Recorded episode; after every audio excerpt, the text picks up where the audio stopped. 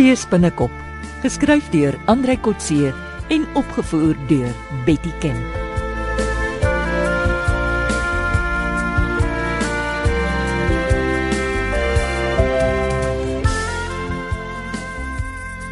Wynand, is jy nog buite by die venster? Wynand, kan jy my hoor? Ja, uh, nie baie duidelik nie, maar praat maar. Nou, kom weg daar by die venster. Ek wil kom kyk, maar ons kan nie albei daar inloer nie. Ons ruil plekke. Ek sal hier aan die ander kant wag hou, dan kan jy kom kyk. Goed. En nou dop verwagte nie. Ek ek is op pad na die venster toe. Waarvoor moet ek kyk? Kyk dan die verpakking van die poeiersakkies. Ek sien ja. Die sakkies is dieselfde as die wat hier by ontvangs in die voorportaal is. Ja, in die vertoonkaste vertoon word. Ja. Maar dit word vertoon as egte renosterhoringpoeier. Ek sien. Nogal saam met 'n reklamevideo. Dit lyk wragtig of hulle hierdie sakkies met kloutjies poeier as renosterpoeier aan die Chinese gaan verkoop. Jy's reg. Nou toe kom ons gaan terug Chalet toe. Ek kry jou daar. Ek dink ons het gekry wat ons kom soek het. Ek wil net 'n foto kry met die nagkamera. Hierdie ligsituasie is nogal tricky. Reg so. Kom weg af van die venster af. Kan ek met die nagbril afhaal? Hier is bittermin sekuriteit. Niemand het ons hierheen gevolg nie. Nee, mo- moenie laks raak iemand. Daar mag swerfwagte rondom die kompleks loop. Wagte wat tot dusver net lui was. Fooi tog. Hulle dink hulle bouwerk is veilig agter tralies en elektriese omheinings en doringdraad. Ja, en intussen is daar reeds twee wolwe binne in hulle kraal.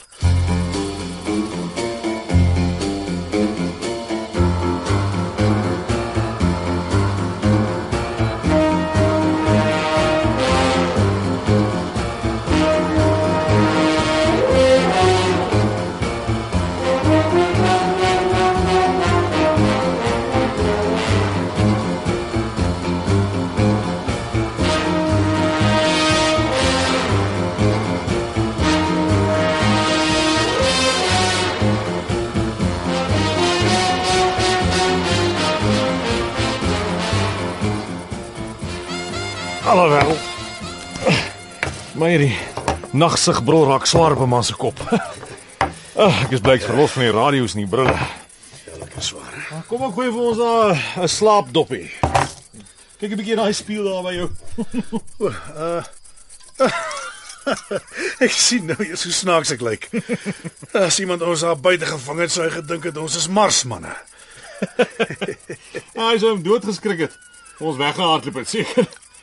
Nou ja, alle probleme opgelos. Ja. Hulle sekuriteit is maar swak, né? Ja.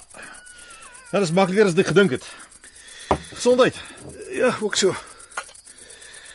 Ek het gedink dit sou donker wees in die gebou.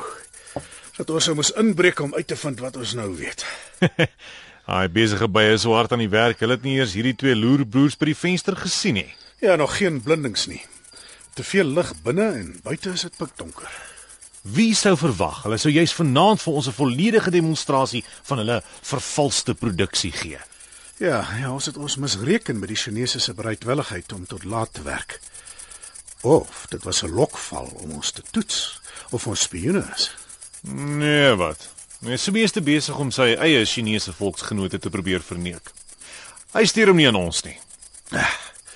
So, hy maal wildskloutjies fyn en bemark dit as die ware Jakob horingpoeier. Streng wetenskaplik gesproke, verneek hy nie juis nie. Hy kon mense se vingers en toenails ook seker gebruik het. Alles is dieselfde soort organiese materiaal as renosterhoring. Sou hy nie bang sy produkte word getoets nie. Ek dink nie daar is 'n instansie wat die DNS-eienskappe van 'n renoster so goed ken dat hulle poeier sal kan toets nie. Wel, veral nie die liggelowige soort wat glo renosterpoeier maak mans meer viriel en vrugbaar nie. Al wat my dronk slaan, is die hoeveelhede wat ons gesien het. Kyk, Sumi behoort mos te weet die volumes is onrealisties. Ja, al die renosters in Afrika kan nie soveel kilogramme poeier oplewer as wat ons vanaand gesien het nie. Is die poeier nie veronderstel om iets raar en skaars te wees nie? Ja, maar onthou, niemand behalwe die Chinese werkers sien ooit die massa poeier saam nie. Wat bedoel jy? Dit word in groot maat verwerk en in klein maat versprei. Huh? Hy moet hoop sy werkers praat nie uit nie. Nou dis nou een ding van 'n Chinese werker. Lojaliteit is nooit onder verdenking nie. Hulle is amper soos familie. Ja, maar onthou dit wat ons vanaand gesien het, mag geen buitestander ooit weet nie. Ja, natuurlik nie. Dis die bluffpoeier. Ja. En vir elke koper wys Sumi slegs enkele sakkies, saam met die tuisgemaakte video van hoe hy een renosterhoring verwerk. Nou toe nou. So, hy hou sy produk skaars en eksklusief. Ja. En een sakkie gaan hy vir duisende dollar aan kliënte verkoop. Moes ons nie meer foto's van die proses geneem het nie. Eh, Van wat ons vanaand gesien het nie. Nee, nee, die foto by die venster is genoeg. Ek dink maar net. eh, Hulle kan vinnig alles vernietig as die speerders eers toesak. Nee wat? Ons is daarom twee ooggetuies. En as my plan werk, hoef ons dalk glad nie in 'n hof te gaan draai nie. Dis onmoontlik. Die gereg moet nou by ons oorneem. Ons kan môreoggend na Oudtshoorn se polisie toe gaan. En dan? 'n Paar Chinese word op die plaas gearresteer en die belhamel so Sumi, Big Joe, Fortuin en Bobby kom skotvry. Ja, wel. So wat is dan ons volgende stap? Geen kans. Ek wil so gou moontlik Taiwan toe gaan. Ek wil Sumi op sy eie speelveld gaan aandurf. Hoekom? Die misdaad is dan op ons eie grondgebied gepleeg.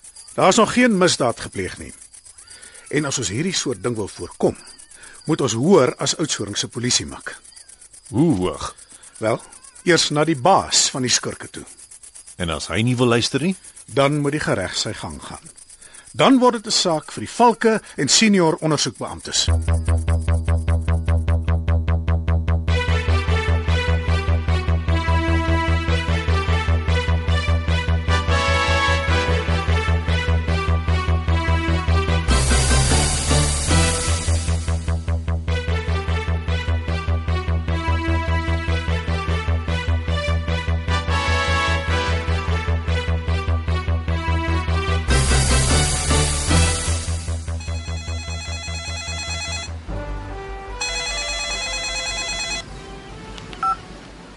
Môre Johan. Hoe gaan dit met die twee groot wildjagters? Uitstekend. Ons het 'n renoster gekry wat ons gesoek het. Ons is op pad huis toe. Dit kan nie wees nie, na net een nag se slaap. Ja, ons praat later. Maar al wat ek kan sê is, ons het per geluk alles wat ons wou uitvind met ons eie oë gesien. Soos wat? Want dinge wat ons gedink het ons self sou moes uitsniffel. En wat is volgende? Uh, Toe my 'n guns. Praat maar. As jy hier was, sou ek gevra het met hoeveel melk en suiker? Nee nee nee, hierdie keer is dit 'n vlugbespreking. Wil jy nou land uit? Ja, hoe het jy geweet? Taiwan toe, op die eerste moontlike vlug. Wil jy vir Sumi gaan sien? Ja. Moet jy hom nie eers bel om seker te maak hy's daar nie. Nee, jy's nie. Ek wil hom gaan verras. Oh. Ek het seker gemaak dat hy daar is. Hoe so? Sy eie personeel gevra.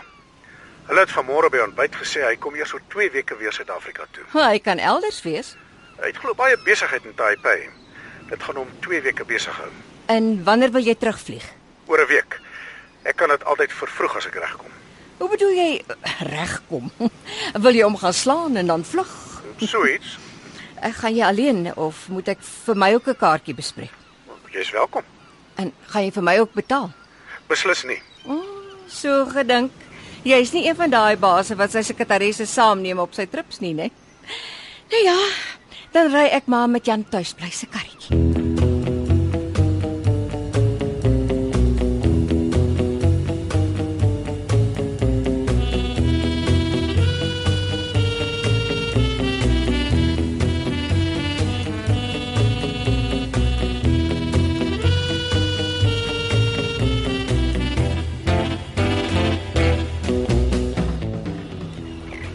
Bobby.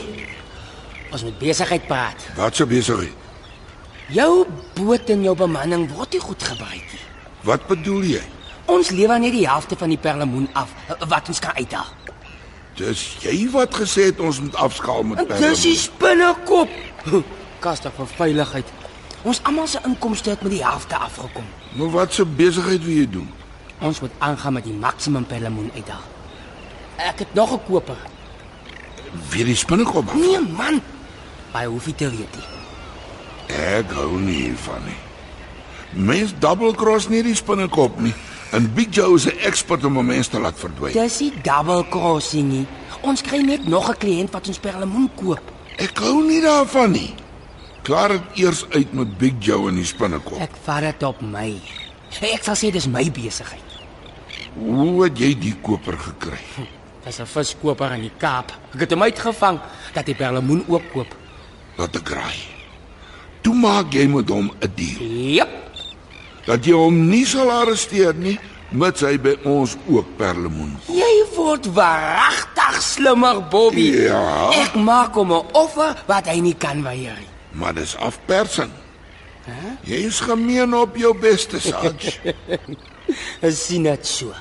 Ek help nou daai koper en ek help sommer vir jou en jou bemanning om die dollars te laat inrol. en jy help jouself. Maar ek kla nie, ek is in. Sê net vir Big Joe ons gaan aan nog 'n koper lewer. Dan weet ons die spinnekop sal nie op ons spring nie.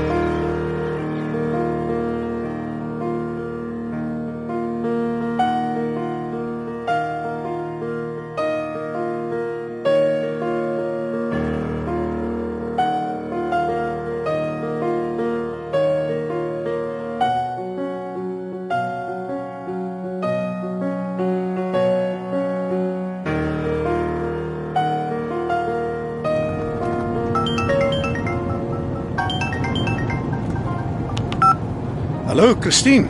Wat is nuus? Ek het vir jou 'n bespreking gekry op 'n vlug van Johannesburg oor Hong Kong na Taipei. Wanneer? Môre, 12:30 vanaf Johannesburg. Goed, nou wanneer kom ek in Taipei aan? Oor môre, eh, 10:30 die oggend. Ag, dankie. Ek sal 'n aansluitingsvlug na Johannesburg bespreek. En wat van verblyf in Taipei?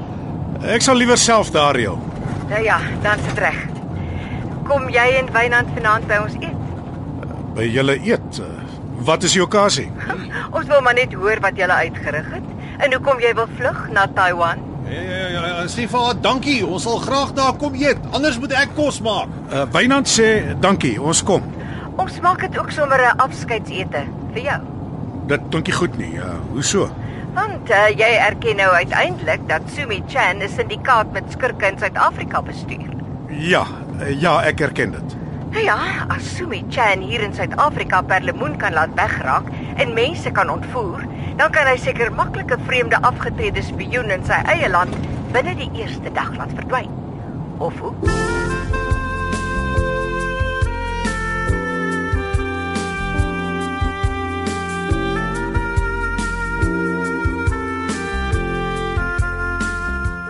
Dit was Seespinnekop deur Andrei Kotse.